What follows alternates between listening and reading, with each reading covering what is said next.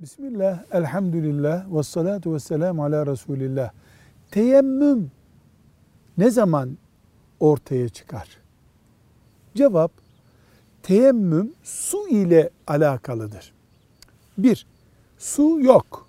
Bir beş kilometrelik mesafede su yok. İki, su var sadece yemek yiyecek yapacak kadar, içecek kadar var. Fazlası yok.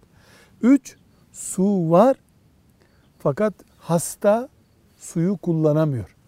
Suya temas etmesi yasak veya e, cihaza bağlı olduğu için kalkıp lavaboda su alamıyor. Dört, su var. Ama hava çok soğuk. Suyla banyo yapmak mümkün değil.